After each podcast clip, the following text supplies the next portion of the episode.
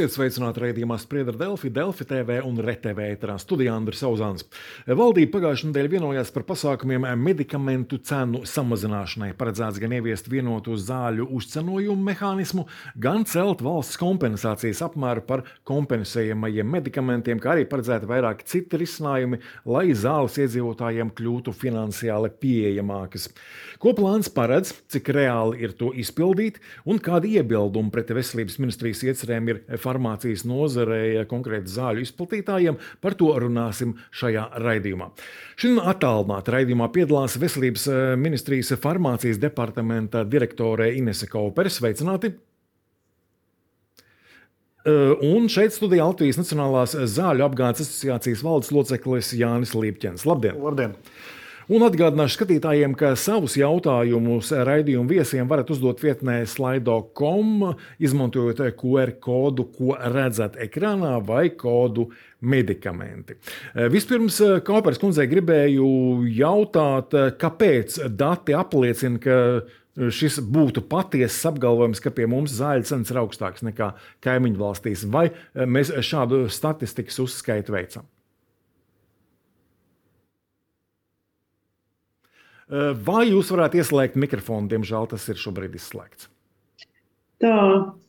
Jā, Gatavojot tagad... informatīvo ziņojumu, tika piesaistīti tātad mūsu valsts eksperti, ka šajā gadījumā konkurences padome, kurai bija tirgus uzraudzības ziņojums par uh, daļu no kompensējumām zālēm, kas mums ir Latvijā, tātad konkurences padome veica analīzi par šo zāļu cenām ziņojums ir publiski pieejams ar visiem secinājumiem un ieteikumiem. Mēs piesaistījām arī Pasaules veselības organizācijas ekspertus, un mums arī bija ziņojums par to, mm, arī par šo salīdzinājumu, tā skaitā Lietuvu, Igauniju, un ne tikai to. Un šis ziņojums arī ir pieejams. Tātad lietas vai secinājumi balstīti uz faktiem, kuras ir veikuši kompetentās iestādes, un tā skaitā piesaistot ārzemju ekspertus. Varbūt pāris vārdos, kādi ir galvenie secinājumi par cenu atšķirībām ar kaimiņu valstīm? Kā jau es teicu, ziņojuma secinājumi ir pieejami tātad mājaslapā. Viens bija tas, ka ražotāja cena varētu būt atsevišķiem medikamentiem, kas bija no piecinojumiem, bet ne tikai. Tad bija, kas bija, ka, nu, no atsevišķiem medikamentiem, kas bija šajā pētījumā, tas ir konkrēti konkurences padomē. Bet, piemēram, Pasaules veselības organizācija, protams, salīdzināja gan arī tā skaitā kompensējumu, nekompensējumu zāļu uzcenojumus, un arī secināja, ka tie uzcenojumi kompensējumām zālēm varbūt nē, bet nekompensējumām zālēm ir augstāki nekā Lietuvā un Igaunijā, un to izsecināja arī konkurences padome. Eh, Līpķenkungs, eh, kādi faktori īsti nosaka, ka pie mums tās zāļu cenas ir augstākas nekā kaimiņu valstīs? Teiksim, tajā ziņojumā arī konkurences padomus bija salīdzināts dažādas cenu grupas. Mums vairāk koncentrējās uz tām, uz tām sadaļām, kur zāles ir dārgākas, bet tur, kur mēs esam lētāki, to, to neviens baigi negrib pieminēt. Un, bet es gribētu teikt, ka liel, lielākā daļa, kāpēc cilvēki pārmaksā par zālēm Latvijā, ir tas, ka mums ir krietni īsāks kompensējamo zāļu saraksts, ja mēs salīdzinamies ar to pašu Lietuvu.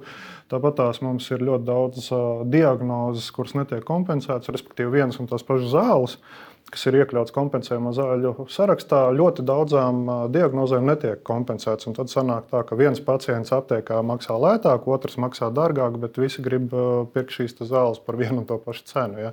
Līdz ar to, protams, ka ziņojums ietver ļoti daudz risinājumus, kā palīdzēt cilvēkiem. Tur ir arī ļoti daudz labi risinājumu.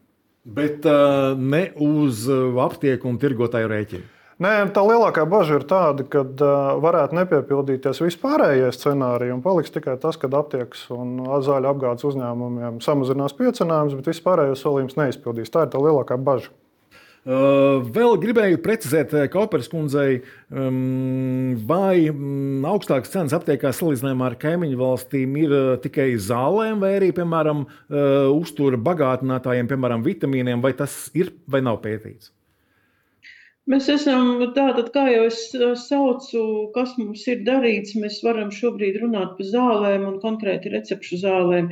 Bet, protams, Pasaules veselības organizācija pētīja arī bezrecepšu segmentu, secinot, ka arī tur Latvijā izdevumi ir augstāki, kaut gan pārdoto iepakojumu skaits ir mazāks. bet tas gan var būt saistīts gan ar ražotāju cenu, gan piecinojumiem, jo uztura bagātinātājiem tātad šī regulējuma par uzcenojumiem un cenu nav atšķirībā no zālēm.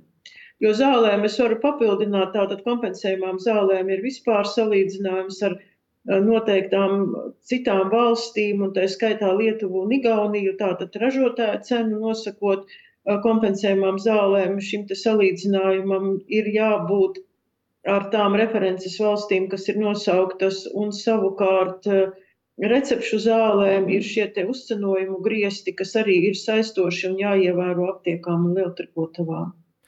Lipķina kungam gribēja jautāt par šo pašu, vai ir starpība recepšu medikaments vai, piemēram, uzturbagātinātāji bezrecepšu medikamenti, vai šeit ir starpība cenu ziņā dažādās valstīs, arī kaimiņu valstīs? Cik mēs esam pētījuši, tad Lietuvā šī uzturbagātinātāja sadaļa ir mazliet dārgāka. Mazliet dārgāk, tāpēc, ka, ja samazinās zāļu piecinājums, tad uh, ir jākompensē šī ienākuma krituma sadaļa kādā citā pozīcijā. Ja, tas ir nesarājumi saistītas lietas. Kaupers kundzei gribēja arī jautāt, vai šis zāļu cenu samazināšanas plāns, par kuru mēs šajā raidījumā runājam, un vēl runāsim, attiecas tikai uz recepšu medikamentiem, vai arī dzen, kaut nedaudz iekļauj šos te uh, uzturbagātinātājus, piemēram. Šobrīd šis informatīvais ziņojums ir par recepšu medikamentiem. Uz ekrāna tūdaļ varēsim paskatīties eh, infografiku. Um, ko tad veselības ministrija šajā plānā piedāvā darīt, lai zāles kļūtu pieejamākas? Kaupers kundze. Tā, tā tad te ir redzams diezgan skaidri 2024. gada 1. aprīlī. Tātad uh, termiņš jau ir gandrīz vai tepat, un Nacionālais veselības dienas arī pie tā strādā. Tātad svarīgi pārskatīt kompensējumu zāļu sarakstu mm, un uh, kompensējumu zāļu izrakstīšanas nosacījumus. Un doma ir paplašināt speciālistu loku un arī ģimenes ārstu pilnvaras. Uh, lai tātad izrakstot šos medikamentus, ņemot vērā situāciju, kad mums arī ir rindas pie speciālistiem un arī pie ģimenes ārstiem dažreiz. Tātad, lai šis te izrakstītāju lokus būtu pietiekami plašs, lai pacients varētu saņemt zāles, tad, kad viņam tās zāles ir patiešām nepieciešamas. Otra lieta, ko mēs gribam pārskatīt, un kas arī bija šajā bildē, ko jūs rādat, Tātad arī priekšlikumi ir uh, atvieglotai ģenērisko zāļu iekļaušanai kompensējumu zāļu sarakstā, ja zāle ir iepriekš vērtēta vai arī kaut kādu iemeslu dēļ ir svītrota no kompensējumu zāļu saraksta, tad nebūtu šis te izmaksu efektivitātes vērtējums vairāk jāveic. Tā ir zināma priekšrocība lētāku zāļu iekļaušanai.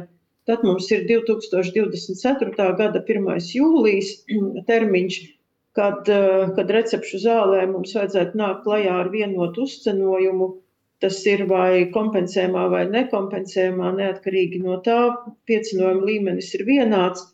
Doma ir par to, ka piecinojumus veido tā, kā ir arī ieteikusi nozare par fiksētiem piecinojumiem, domājot, un arī aptiekas padarītu neatkarīgākas no lieltrikotājiem, ko arī savos ieteikumos norādīja konkurences padome lai mums nebūtu tā, ka nu, lieltirgotavas aptiekas lieltirgotavām negribētu teikt, ka ir lielāki, bet salīdzināmi piecinojumi, bet šajā gadījumā tātad aptiekas padarīt neatkarīgākas, lai var izdzīvot ar uzcenojumiem un nevis, kā lai saka, lielā daļā lieltirgotavu atlaidēm.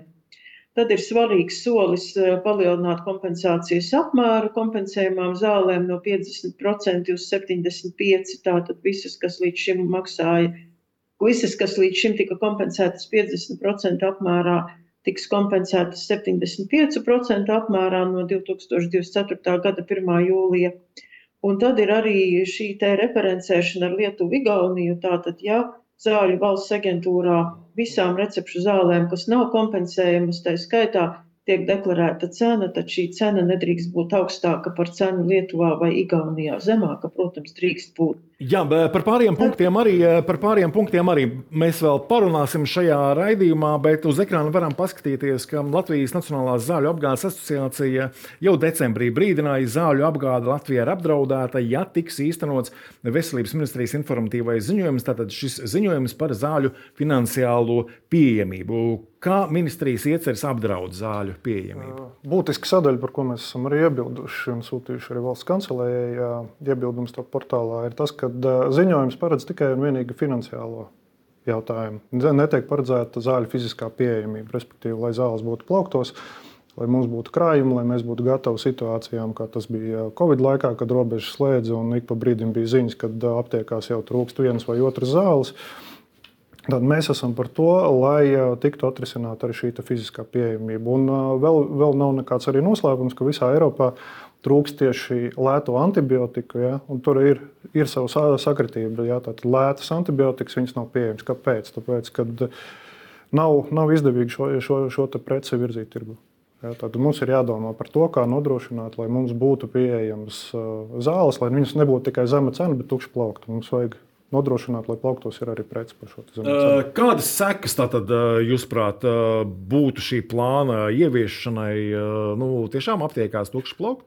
Nē, nu redziet, mums, ir, mums tiek skaidrots, ka vēl, vēl, vēl taps vesela kaudze ar ministru kabineta noteikumiem, kad šo noteikumu tapšanas procesā ministrija arī vairāk skaidros, kāda, kāda, kāda būs šie darbības virzieni.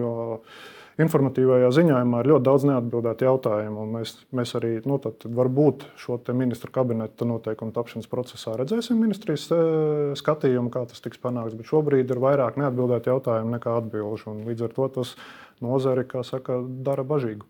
E, un vēlreiz arī atgādināšu skatītājiem, ka Um, savus jautājumus raidījumu viesiem varat uzdot vietnē slaido.com, izmantojot QR kodu, ko redzat ekrānā, vai kodu medikamentu. Šobrīd mums ir jautājums, kuru nu, diezin vai kāds no viesiem spēs atbildēt, bet tomēr varbūt mēģināsim. Uh, vai politiķi spēj stāties uh, pretī farmācijas lobbyam un īstenot plānā paredzētos pasākumus?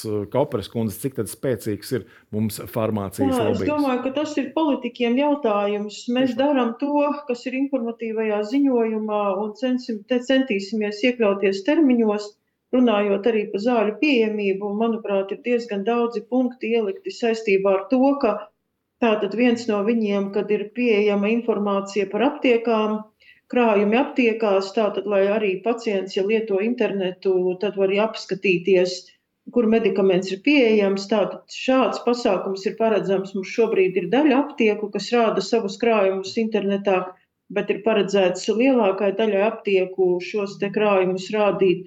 Tad ir arī tas, kad uh, atviegloti noteikumi ģenērisko zāļu iekļaušanai kompensējumu zāļu sarakstā. Tas nozīmē, lai lielāka izvēle un arī lētākas zāles būtu pieejamas. Un tad, protams, ja mēs palielinām šo kompensācijas apmēru, tad arī pacientiem zāles ir pieejamākas. Un tā tad šī virkne pasākumu, varbūt kurus es vēl nenosaucu, ir tie, kas šo fizisko pieejamību iedzīvotājiem pilnīgi noteikti varētu uzlabot. Un arī tas, ka mums kompensācija, arī kom par kompensāciju ir domāts un arī ikgadējo naudas piešķīrumu. Līdz ar to šajā situācijā tātad ziņojums, tātad valdība ir pateikusi jā vārdu mūsu priekšlikumiem, kas nāk no veselības ministrijas. Un mēs šobrīd strādājam pie tā, lai tos iedzīvinātu ministru kabineta noteikumos un tālāk izskatītu un apstiprinātu valdībā, protams, ar nozares iesaisti un sarunām. Eh, Lipķenkungs, varbūt jūs varat atbildēt uz eh, šo te, mm, skatītāju jautājumu, vai politiķi spēj stāties pretī farmācijas lobbyam un īstenot plānā mm, paredzētos pasākumus, cik tad, eh, nu, stingri šobrīd politiķi ir iestājušies par šo plānu. Te varētu atbildēt ar pretjautājumu, kā politiķiem sokās ar Covid vakcīnu iepirkumu pārskatīšanu. Ja? Cik mēs zinām, valsts pērk par miljoniem vakcīnas, kuras šobrīd neizmanto. Uh, diezko labi viņiem nesokās ar šo līgumu pārtraukšanu vai izbeigšanu. Ar, vis, ar visu to, ka valstī ir milzīgs represīvais aparāts. Ja, diezko labi viņam nesokās. Bet tomēr vai ir kaut kādi kompromisi panākti ar nozari, ar, ar, ar ministriju? Nu, protams, ka ir dažādi kompromisi panākti. Teiksim, tas pats ziņojums vairākas reizes ir nosūtīts bijis saskaņošanai. Ļoti daudzi no mūsu rakstītajiem priekšlikumiem ņemt vērā. Kāpēc kundze šo plānu veidoja daudzus gadus? No kā tad īsti nācās atteikties, lai šoreiz tas izietu cauri ministru kabinetam? Es domāju, ka ja mēs skatāmies uz punktiem, kas ir bijuši, es domāju, visas galvenās līnijas, kas ir bijušas veselības ministrijai, tās ir palikušas. Gan cenu samazināšana, gan uzcenojumi, gan jaunu medikamentu iekļaušana un tam nepieciešamais finansējums, gan, piemēram, kompensācijas griestu noteikšana iedzīvotājiem. Nu, galvenie virzieni ir palikuši visi. Arī šeit... cenu salīdzināšana ar Lietuvu, Igauniju arī tas. Šeit arī skatītāja jautājums, kur varam paskatīties uz ekrāna, vai veselības ministrija spēs laicīgi sagatavot atbilstošos likuma grozījumus, vai nebūs tā, ka šie grozījumi taps pēdējā brīdī, jo mēs nu, redzējām, pirmīt tie termiņi ir salīdzinoši tuvu Kauperskundze. Mēs jau šobrīd strādājam pie šiem grozījumiem, bet, protams, tiks iesaistīta nozare un būs sarunas ar nozari. Lielā mērā nu, gala iznākums ir atkarīgs no tā, kā mums veiksies šajās sarunās un kā mēs spēsim panākt kompromisus. Un, protams, ņemot vērā visu iesaistīto pušu viedokli, bet saglabājot pašu galveno zemākas cenas un zāļus pieejamākas pacientiem. Vai zāļu uzcinājuma veidošanas sistēmā, mm, kas ir viens no šiem punktiem šajā plānā, ir jāpārskata un ko tur varētu mainīt Līpķenkungs? Nē, šī piecinojuma sistēma ir sākuma ir meklējuma 2005. gadā. Un, protams, ka toreiz bija cita laika, cita nosacījumi. Šobrīd tas lielākais, saprotu, fokus tiek likts uz to, ka pāriet no procentuālā piecinojuma apjoma uz fiksētiem. Ja? Būtībā jau te uh, nav nekādas lielas starpības. Galvenais, lai tiktu atrasts šis līdzsvars, lai tā nozara un joma būtu tur, spējīga turpināt uh, strādāt uz ekonomiskiem principiem. Lai nebūtu tā, kā uh, ir pieredzējis, piemēram, Lielbritānija, kad ierēģi sanāk kabinetā, paskatās Excelī, nu, kaut kādai zāļu grupai, teiksim, cenas liekas pārāk lielas.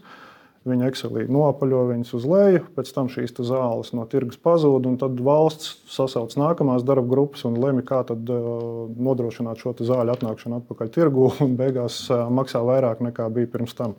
Galvenais, lai tikai šīs zāles atgrieztos tirgū. Bet, nu, tās, tās ir kļūdas, no kurām būtu jāmācās un kuras nevajadzētu pielaist uh, Latvijā, teiksim, strādājot pie šiem piecinājumiem. Vai ministrija šīs kļūdas nepieļaus? Kā jau es teicu, mēs šobrīd eh, izstrādājam varbūt vairākus šos te uzcenojuma modeļus un skatāmies par to, gan lai nodrošinātu šo te aptieku neatkarību, gan draudzīgākas cenas iedzīvotājiem, gan, protams, domājam arī par nozari. Un kā te vairāk kārt tika uzsvērts arī aptiekām mazāk apdzīvotās vietās, vairāk nu, par ciemiem runājot, un to, ka tur ir viena aptieka, kas pild arī sociālo funkciju. Tas ir arī ļoti svarīgs jautājums, kas ir jāņem vērā. Mums ir arī skatītāji jautājums, varam paskatīties uz ekrāna. Pašlaik informatīvais ziņojums izskatās vairāk pēc sacerējuma, kur ir skaitļi un aprēķini. Līpķenkungs, vai varat šim apgalvojumam piekrist? Es gribētu teikt, ka es tur neredzu aprēķinus. Es neredzu aprēķinus, piemēram, par to pašu pievienotās vērtības nodokli. Valstī bija, ir, ir pieredze ar to, ka tām pašām Covid vakcīnām uz laiku tika noteikti 0% PVN likme. Būtu interesanti redzēt aprēķinus un secinājumus ziņojumā, kā PVN likmes samazināšana ietekmē budžetu. Kā, vai radās vairāk naudas līdzekļu teiksim, kompensācijas sarakstu palielināšanai? Tas ir tāds būtisks sadaļas, kas tur trūkst. Līdz ar to ir, ir, ir iespējas, ka tas ziņojums ir sasteigts, lai maksimāli ātri viņu varētu virzīt. Arī viss tā saskaņošanas gaita, kāda mums bija, parādījās ziņojums, kur parasti ielika pusnaktī portālā, un tad bija dots piecas darba dienas sniegt savus priekšlikumus. Jā. Līdz ar to maksimāli maz laika saprast nozarei, kas tur būs, kas nebūs, un, un prognozēt tās sekas bija grūti. Līdz ar to mēs būtu vairāk par tādu dialogu, kad, ja ir ideja, tad dot nozarei, nozarei laiku viņu apdomāt un, un, un sniegt kvalitatīvus priekšlikumus, nevis tādu lielā steigā. Kāpēc kundze bija mazliet sasteigti? Nu, ziniet, es gribētu teikt, ka mēs pie šī ziņojuma esam strādājuši jau vairāk nekā trīs gadus. Un arī bija viens mēģinājums, konceptuālais ziņojums zāļu finansiālās pieejamības uzlabošanai, kas bija arī pagājušā gadā iesniegts ministru kabinetā. Un, kā jau es teicu, būtisku atšķirību nebija, bet ja mēs šobrīd runājam par konkrētiem apstreikiniem, tad jau, ja runājam arī kaut vai par šo te uzcenojumu modeli jauno, tad tas ir ministru kabineta jautājums. Jo, ja mēs liktu informatīvajā ziņojumā visus aprēķinus, tā, tad mēs apstiprinām modeli, kas ir ministru kabinets. Un līdz ar to mums diskusijas patiešām vajadzīgas, tie ir visi ministru kabineta jautājumi arī saistībā ar izmaksām un ietekmi gan uz sabiedrību, gan uz tautsēmniecību un visām citām lietām. Informatīvais ziņojums, tas ir uh, valdības akcepts veselības ministrijas darbības virzieniem, ko viņi cenšas īstenot un ko vēlas īstenot savā darbībā. Līdz ar to, ja mēs dabūjam tur zaļo gaismu, tad mēs strādājam tālāk pie tā, kā mēs to īstenojam, kādi būs ministru kabineta noteikumi un arī ko mēs tur rakstīsim aprēķinos. Šeit arī dzēn vēl skatītāja jautājums, kāda būs ministrijas rīcība, ja sarunas ar nozari nebūs veiksmīgas? Es domāju, ka šobrīd ir pilnīgi noteikti šie jautājumi pāragri spriest, jo jebkurā gadījumā es domāju, ka mums ir jārod kompromiss. Pilnīgi noteikti nebūs tā, ka mēs būsim visi, kā lai saka, uz vienas strīpas, gan nozare, gan veselības ministrija, jo vieniem jāizstāv biznesa intereses, kas ir normāli, un arī jāizstāv cilvēku intereses, ko arī Nozare vienmēr ir uzsvērusi, un savukārt arī ministrijai ir pacientu intereses un zemākas cenas un zāles pieejamākas pacientiem. Līdz ar to ir jārod kompromiss. Es gribētu skatīties šajā virzienā un risinājumu rašanu. Šam, šim pašam jautājumam ir arī otra daļa, vai nozara ir domājusi par streiku, ja sarunas nebūs veiksmīgas ar ministriju. Es, es varu atbildēt. Teorētiski tikai... jūs nozarāt, laikam, es, es, var, es, var, es varu atbildēt tikai par, par zāļu apgādes uzņēmumiem. Tur īsti streikot nesanāks, vai ir jāapgādā slimnīcas, un mēs to darām 24-7, ja, jo cilvēkiem ir operācijas, vajag zāles, vajag, vajag medicīnas ierīces un vispārējo. Bet uh, esam dzirdējuši jā, par to, ka teiksim, aptieku nozare bija apsvēruši šādu risinājumu. Uh, un pie kādiem nosacījumiem uh, varētu Nē, tas, tas, tas, tas nav, nav par nosacījumu. Es, es tikai zinu to, kad uh, mēs ar kolēģiem runājam, kad, kad, kad bija tādas domas, bet neviens šobrīd vēl nezina īsti to risinājumu. Es domāju, ka viss gaida no ministrijas, kāds būs tas redzējums attiecībā uz tām pašām aptiekām. Jo, piemēram, ziņojumā sākotnējā versijā bija rakstīta vispārējais augļi par to, ka mēs veicināsim aptieku neatkarību, farmaceitiskās aprūpes kvalitātes celšanu, bet nebija ierakstīts, kā to izdarīs. Nu, ar, ar, ar lielām pūlēm pūlēm, ar, ar, ar sabiedrisko organizāciju iebildumiem, beigās ierakstītu to, ka farmaceitam maksās par farmaceitisko aprūpi, kas jau ir liels sasniegums. Jautājums, kā, kā to izdarīs, skatīsimies. Vēl runājot par konkrētām lietām, plānā zāļu kompensēšanas sistēmas paplašināšana, ko plānots darīt un cik tas varētu izmaksāt, vai to vispār varam atļauties, Kauperskundze? Nu, ir tā, ka mēs katru gadu plānojam šo nepieciešamo finansējumu, kompensējumu zāļu budžetā. Uh, viena lieta ir jaunas zāles iekļaut, otra lieta ir paplašināt uh, izrakstīšanas iespējas vai kompensācijas nosacījumus jau kompensējumu zāļu sarakstā iekļautām zālēm. Kā jau es teicu, arī paplašināt izrakstītāju loku, kas ir svarīgi, lai zāles būtu pieejamākas iedzīvotājiem un nodrošinātu savu efektu uh, tiem, kam tas ir nepieciešams. Tā kā šī kompensējamo zāļu paplašināšana tātad saistīta ar virkni jautājumu, un katru gadu tiek veikti tātad aprēķini par to, cik mums nepieciešams finansējums eh, kompensējumu zāļu saraksta paplašināšanai, ņemot vērā tātad eh, šos te gan ārstu, gan ārstu izteiktos priekšlikumus, gan arī, arī pacientu organizāciju tātad izteiktās vēlmes. Un arī šogad rudenī bija priekšlikumi gan ārstu asociācijām, gan pacientu asociācijām par to, kā lai racionalizētu kompensējumu zāļu sarakstā iekļauto zāļu gan izrakstīšanu, gan lietošanu, gan vēl uh, citas lietas, kas saistītas ar kompensējumu zāļu lietošanu. Tātad tika aicinātas asociācijas sniegt priekšlikumus.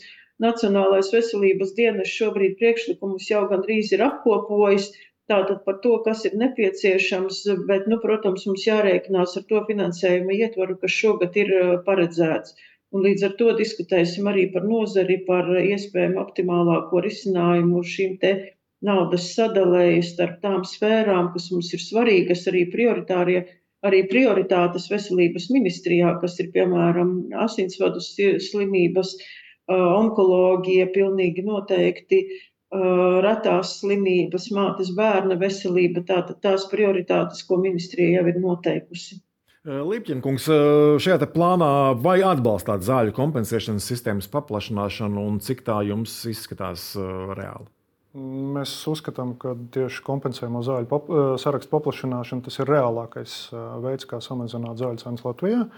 Tāpēc, kad arī Zāļu valsts aģentūras dati liecina par to, ka visas tās zāles, kas tiek iekļautas kompensējamo zāļu sarakstā, tam, tie, tam ražotājs samazina cenu. Savukārt tām zālēm, kuras tiek izņemtas no kompensējamo zāļu saraksta, cena kā likums palielinās. Un, uh, nav arī nekāds noslēpums šajā ziņojumā. Ir arī ierakstīts, ka uh, Latvija atpaliek gan no Lietuvas, gan Igaunijas kompensējumu zāļu uh, apmērā. Tāds saraksts mums ir īsāks, līdz ar to cilvēki arī vairāk maksā no savas kabatas. Tā kā šis noteikti ir atbalstāms pasākums un, un pareizais ceļš, kurā būtu jāiet. Uz ekrāna varam paskatīties interesantus datus, ka 2022. gadā 705 tūkstoši iedzīvotāju saņēma gandrīz 6,5 miljonus recepšu. Valsts ieguldīja 227 miljonus eiro kompensējamo zāļu apmaksā. Tas ir skaitlis, tātad, kas tuvojas nu, faktiski ceturdaļ miljardam. Kaupers kundze, vai varam tiešām atļauties eh, apmaksāt vairāk, ņemot vērā, eh, ka šī summa jau tā ir ļoti ievērojama?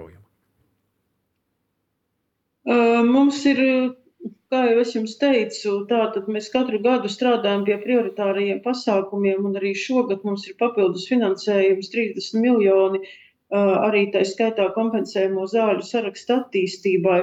Līdz ar to ļoti ceram uz regulāru finansējuma piešķīrumu arī turpmākajos gados, jo pilnīgi noteikti ir svarīgi ne tikai šīs cenu jautājumus, bet ir svarīgs arī papildus finansējums kompensējumām zālēm, lai pacientiem patiešām šīs zāles būtu pieejamākas. Un, protams, ka arī samazinātos cenas, un mēs varētu vairāk atļauties arī pacientiem, jo nav noslēpums, ka mums eh, Latvijā ir viens no lielākajiem līdzmaksājumiem par zālēm Eiropā. Līdz ar to, protams, ir svarīgi, lai pacientiem par zālēm būtu jāmaksā mazāk tur, kur var tur, kur var to izdarīt. Vēl viens plāns punkts, Kaupers kundze, tātad PVN samazināšana zālēm, pie kādiem nosacījumiem tā varētu notikt?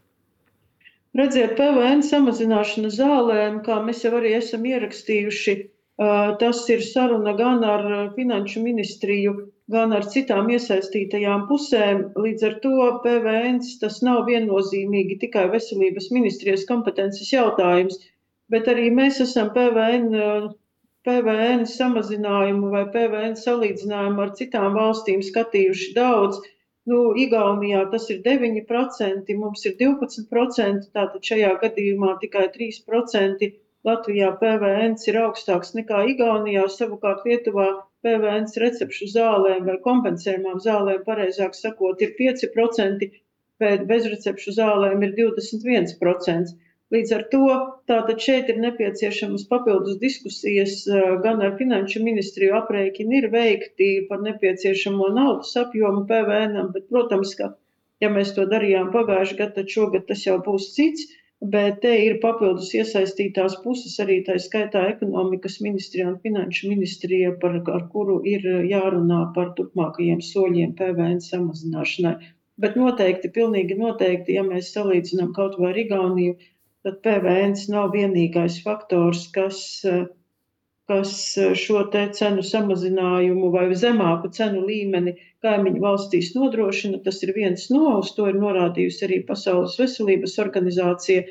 Bet uh, ir citi faktori, ko mēs arī esam iekļāvuši informatīvajā ziņojumā, kas veicinātu šo cenu samazināšanu arī salīdzinājumā ar kaimiņu valstīm. PVN samazināšana zālēm, Lipķenkungs, vai jūs prāt tā dotu gaidīto efektu, un vai ir ticams, ka pārskatāmā nākotnē šī PVN samazināšana varētu reāli notikt? Viennozīmīgi efekts būtu. Jā, jo teiksim, dārgo zāļu gadījumā pievienotās vērtības nodoklis 12 reizes pārsniedz aptieku un lielturgoto piecinājumu kopā. Tur ir kur aizdomāties. Un vēl tas jau raidījuma sākumā minēju šo valsts eksperimentu ar Covid vakcīnām, kurām bija uz laiku noteikti 0% PVN likme. Ja? Tātad, tur bija savs aprēķins apakšā. Un es ieteiktu ministrijai šo jautājumu pacelt un pārskatīt, jā, kāda bija šī ideja un kāds bija iegūms. Un, uh, jebkurā gadījumā pacients maksājot uh, aptiekā par zālēm, jā, ja teiksim, čekā šī PVN sadaļa būs mazāka, viņš to viennozīmīgi jutīs savā maciņā. Uh, par termiņiem, Kaupers kundze, kad plāna darbība būs jūtama praktiski, kad tas cenu samazinājums varētu nonākt līdz aptiekām? Tātad jūs rādījāt arī pats eh, šo te bildi, tātad kas mums Jā, ir pārskatīt. Jā, to mēs varam arī vēlreiz paskatīties. Tātad kompensējumu zāļu sarakstu pārskatīt, tas ir līdz 1. aprīlim, tātad arī papildus medikamenti, ja tādi tiks iekļauti, un arī speciālistu loks un arī izrakstīšanas nosacījumi, ko ir iespējams pārskatīt, tātad tas ir uz 1. aprīli darāms. Kompensācijas piecenojumi, tātad, vai pareizāk sakot, lieltirgotavu aptieku uzcenojumi pārskatīšana ir domāta tātad līdz 1. jūlijam. Arī kompensācijas apmērs no 50 līdz 75 arī ir 1. jūlijas. Bet tātad kopumā varam secināt, ka 25. gada 1. janvārī zāļu cenām jau ir jābūt būtiski zemākām. Tā vajadzētu tā būt. Vai ticat, tā, tā? Mēs, mēs, protams, runājam par to būtiskumu. Mēs esam runājuši par 15, 20%, bet, protams, ir jāskatās nu, situācija, kāda mums būs šo visu sarunu ceļā. Un, protams, ļoti svarīga lieta mums tagad ir arī Eiropas līmenī farmācijas pakotnē, kas nu, mēģina, vai pareizāk sakot, nākusi klajā ar virkni pasākumu par to, ka Tātad ražošanai, zāļu ražošanai Eiropā būtu jābūt neatkarīgākai no trešajām valstīm un daudzas citas lietas. Tāpat zāļu pieejamības jautājums un par krājumiem te tika pieminēts arī Eiropas Savienības līmenī tiek domāts un tiek organizēta arī dalību valstu varbūt tīklu izveide par to, lai redzētu par šiem te krājumiem un aktuālo situāciju dalību valstīs. Līdz ar to vēl ir, protams, citi faktori, kas ir jāņem vērā, kas būs mums saistoši arī strādājot pie šiem noteikumu projektiem, kas ir informatīvajā ziņojumā. Līpķinkungs, vai šie faktori varētu nu, ietekmēt tā, ka kaut kas no šī plāna tomēr nerealizēs, vai arī nozare uzstās uz kaut ko, eh, kas eh, būtu nepieņemams un eh, kas nebūtu ieviešams dzīvē? Man, man ir neliels pesimisms attiecībā uz visu tā plānu ieviešanu. Ja, jo, teiksim, arī cik ilgi tāpa šis ziņojums, cik es zinu, visu laiku Finanšu ministrija iebilda pret PVN samazināšanu konstanti. Uh, Tāpat tās arī plāns par 15-20% cenas samazinājumu. Jautājums arī, no kādas cenas būs šis samazinājums. Jo, ja mēs skatāmies Zaļu valsts aģentūras mājaslapā, šī tendence ir tāda, ka ražotāji visu laiku ceļ cenas. Jo, nu, tas ir arī saprotami, tāpēc, ka ir energoresursu pieaugums, darba spēka izmaksu pieaugums, loģistikas izmaksu pieaugums. Tas ir ekonomiski pamatoti. Jā, tā tad, vai ar šo samazinājumu vienkārši noturēs cenas esošajā līmenī, vai arī teiksim, nu, no, kā, no kā tiks panākt šis samazinājums. Kompensācijas budžeta palielināšanas gadījumā jau, jau vairāk šo zāļu, jā, tur es redzu, tur es redzu, tur es redzu cenu samazinājumu. Vēl viena būtiska lieta, mazliet par citu tēmu. Pirms gada daudz runājām par to, ka aptiekās trūks daudz svarīgu medikamentu, piemēram, antibiotiku. Kaupers kundze, kāda ir aktuālā situācija ar medikamentu trūkumu aptiekās šobrīd? Vai situācija ir vai nav labāka salīdzinot ar to, kāda tā bija pirms gada? Situācija ir labāka, pilnīgi noteikti ir labāka. Par to liecina arī zāļu aģentūras dati. Protams, ik pa laikam ir medikamenti, kuri nav pieejami aptiekās. Tie ir ne tikai antibiotikas, tie arī citu grupu medikamenti. Arī gadās, ka cukura diabētam vai, vai citām slimībām ir tā, ka medikaments nav pieejams. Bet, protams, zāļu aģentūras mājaslapā gan ir informācija par to, kādas zāles vai kādos apjomos ir pieejamas lieltirgotavās, ja lieltirgotavās ir. Un, protams, tiek aicināti arī ārsti izrakstīt analogus, ja, ja kāda konkrētā zāle nav pieejama, lai pacientam nodrošinātu pastāvīgu terapiju un varētu arī izvēlēties to, kas valstī ir pieejams. Līdz ar to ir tātad šo zāļu krājumu uzraudzības sistēma, un, protams, ņemot vērā arī pagājušā gada antibiotiku pieredzi, arī zāļu aģentūra ļoti cītīgi strādā pie tā, lai firmas saulēcīgi ziņotu, ka viņiem nebūs kāds no medikamentiem pieejams, lai lai var runāt ar citiem ražotājiem, lai var nodrošināt šo zāļu nepārtraukto pieejamību.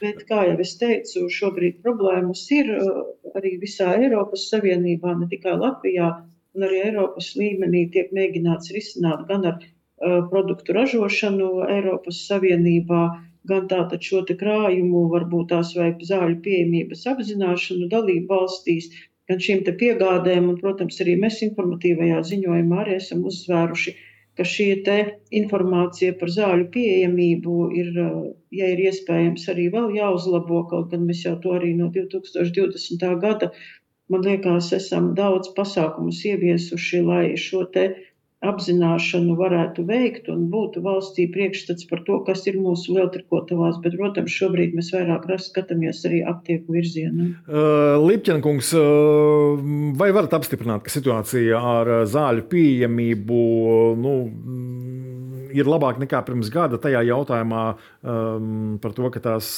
vai nu ir vai nav aptiekā?